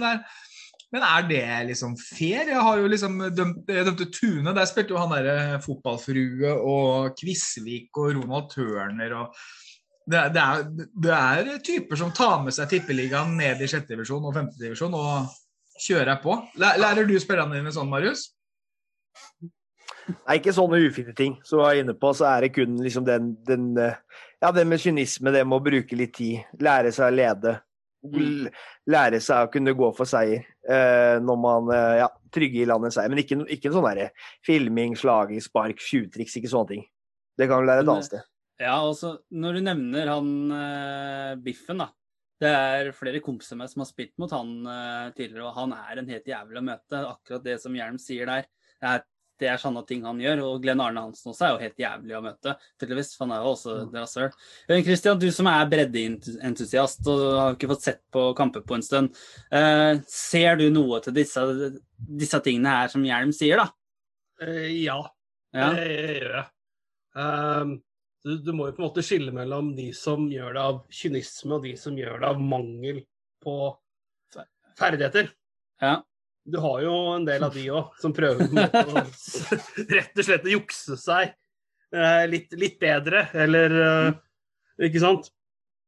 Men ja, nei, jeg savner, det savner jeg skikkelig, faktisk. Å se litt, litt sånn av den drittslenginga Nei, å, jeg gleder meg til bredden kommer i gang igjen. Ja, for, det, er- for det er liksom Sånn så når jeg dømte, dømte gamle tippeligaserier, som da var relativt sånn, han, Fotballfrue han hadde spilt i Lillestrøm sist, eller var Odd? Odd. Ja, han hadde vært Odd. Han hadde vært ett år uten toppfotballen. og Ja, det er vinnermentalitet, men han spilte jo Forsvaret i sjette divisjon òg, men det var liksom sånn Og Tune lå ofte under, da. Fordi det Og når han gikk opp, så var det én ting han skulle. altså Når han, han skulle spille offensivt, det var én ting han skulle gjøre, det var å ramle i feltet. Det var eneste han skulle. Og, ramle, og han var god teatralsk. Eh, men, eh, og skreik og hyra, akkurat det var tippeligaen.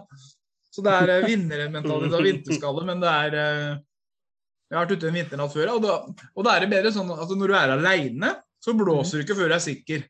Ja, det er det, da. ikke sant? Ja. Og så er det men, men så har du da når, Hvis en 16-17-åring hadde dømt han, da Han hadde sikkert fått straffe på alle fire, ikke sant? Alle fire falla. Så har du sånne rutinerte ringrever som tenker nei, jeg blåser ikke på noen. jeg. Nå skal, han- nå skal han blø først, liksom. Så, så det er Nei, det er eh, litt av ansvaret må være på fotballspillerne sjøl og så utviklinga vi vil ha. Spørs hvilken utvikling vi vil ha, da. Ja. VAR er jo kanskje ment å ta vekk litt av det greiene der. Eh, men eh, VAR i England har jo ikke fungert optimalt kontra de Der går de altfor mye inn, liksom.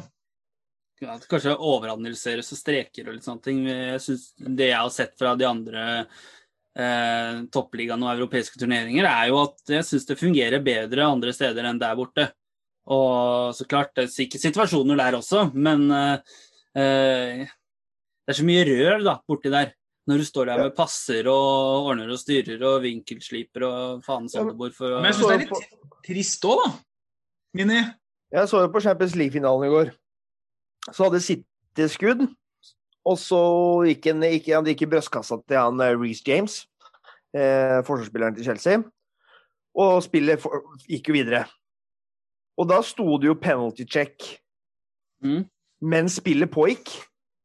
Altså, det var ikke noe stopp i spillet, stå og vente i fem-ti sekunder, bort på skjermen og se. Og så var ikke inne og sjekka.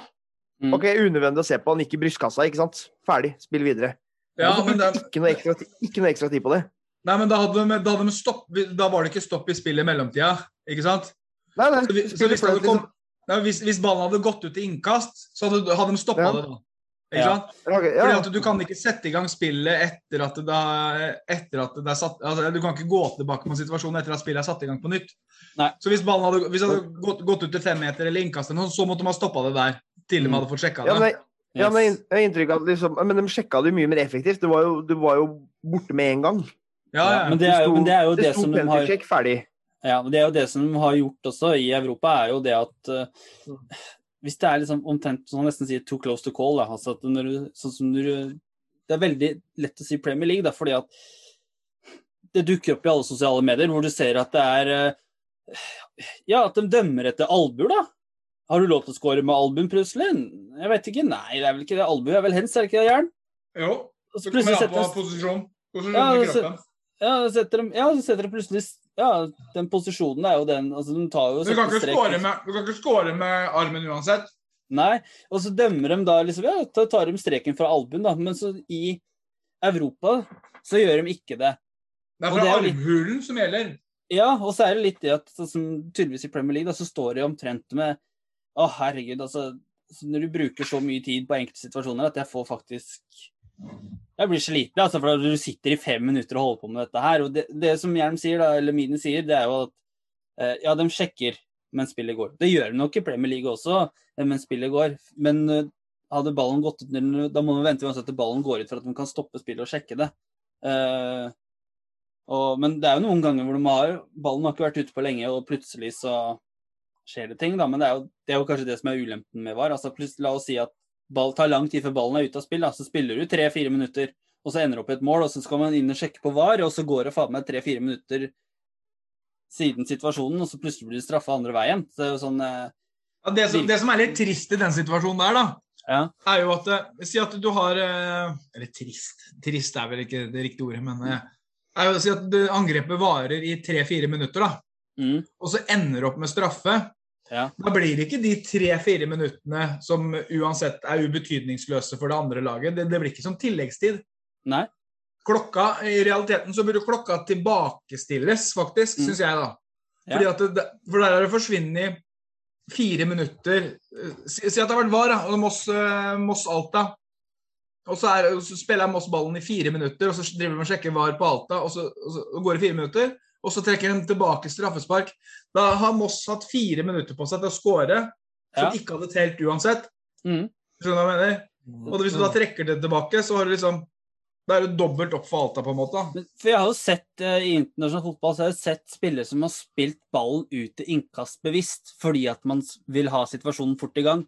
Ja. Og det er jo litt kjedelig, er det ikke det? At blir ikke en del av sjarmen borte da? Så at, at du ser spillere som eh, kanskje har fått en situasjon mot seg eller, eller med seg. Uh, for det er alt den har vært, men ikke setter i gang angrep, da, for at den vet at det er kanskje en potensiell penalty check på en hens. da. Og alt er jo hens. Men uh, Det jeg veit ikke. Det, det er litt trist, og men samtidig så er det bra. Det er liksom det Er du der- enig, Christian? Det der som var spennende før, er liksom borte. Ja, men vet du hva, jeg sitter og hører på dere, og tenker jeg litt sånn Jeg blir bare mer og mer mot den moderne fotball. Det er det som er litt deilig med norsk fotball, da. Det er jo det. Ja, nei det, det, er, det er noe med sjela til fotballen som blir litt ødelagt av mye av dette, syns jeg. Men eh, gutter, jeg, vi nærmer oss egentlig veis ende. Nå har vi jo fått gjennom litt dommerpreik og eh, egentlig Rekker du opp hånda, Christian, eller? Ja, da tenker jeg at da skal Christian få lov til å si eh, det han har tenkt å si. Ja, eh, liten eh, greie før vi tar kvelden. Ja, det har jeg også, skjønner du. Å ja, ja. Ja, men kjør på du først. Uh, jo, nei, uh, jeg kom meg for øre at uh, Magnus Fagernes har blitt operert. Hey! Det er positivt. Yes. Det er hyggelig. Håper at, håper at det er første steget for at vi kan få han tilbake igjen. Også var... kjent som Magnus Fagernes-Rubakken. Ja, det er det han ble kjent for. Kanskje Men, han kan eh, ta tak i den auksjonen Moss fotballklubb hadde, til dem som vant eh, auksjonen. For det er, eh, det var ingen som har hørt en dritt fra klubben. jo. Det dukker vel opp. Men jeg syns Ja, uansett jeg. at vi må sende han noen gode tanker. Det er vel Ja, vi sender han gode tanker. fire måneder. Ja. Så fiks auksjon! Begynne å trene igjen. Vingen er bak deg, Magnus, hvis du hører på. Og gleder, gleder oss til å se deg putte igjen. Og hvis du hører på Magnus Fagernes Bakken, så må du skrive i kommentarfeltet 'Hører jeg på?' Så vi veit at Yes. du hører på. Ja. Jan Erik, du skal få lov å avslutte. Eller har du noe mine før Jan Erik avslutter? Jeg, jeg spiller pasninga til Jan Erik. jeg.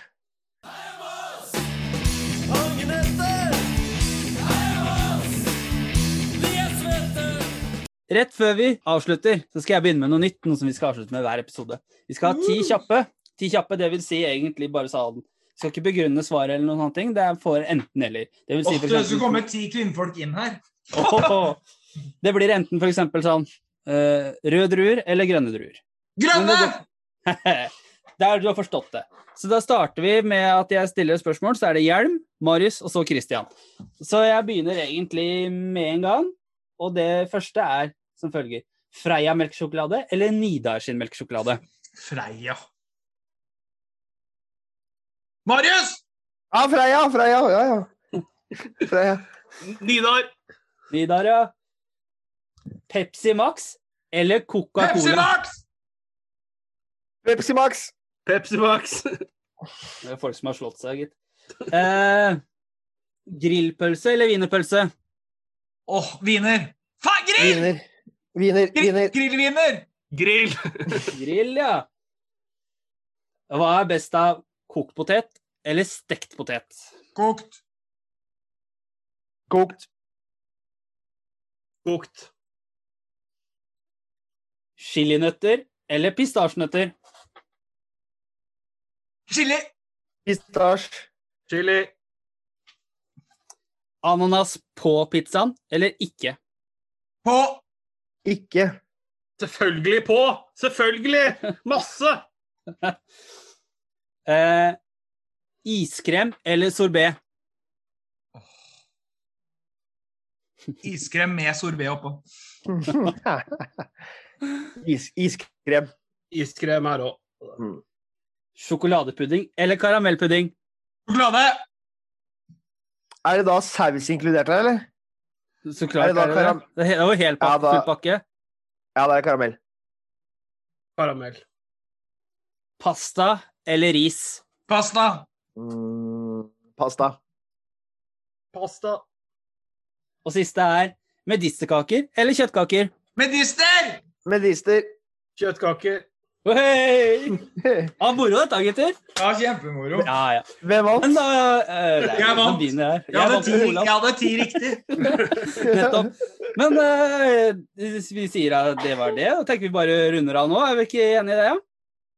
Jo. Jo. Ja. Og så er det bare å stille spørsmål, er det ikke det? Jo, Til still spørsmål. Still spørsmål til neste episode. Nå kommer treningskampene på løpende bånd, og ting skjer. Eh, endelig. Nå har vi sittet og venta på dette her. Og til neste gang så er det bare å si Ha det! Ha det!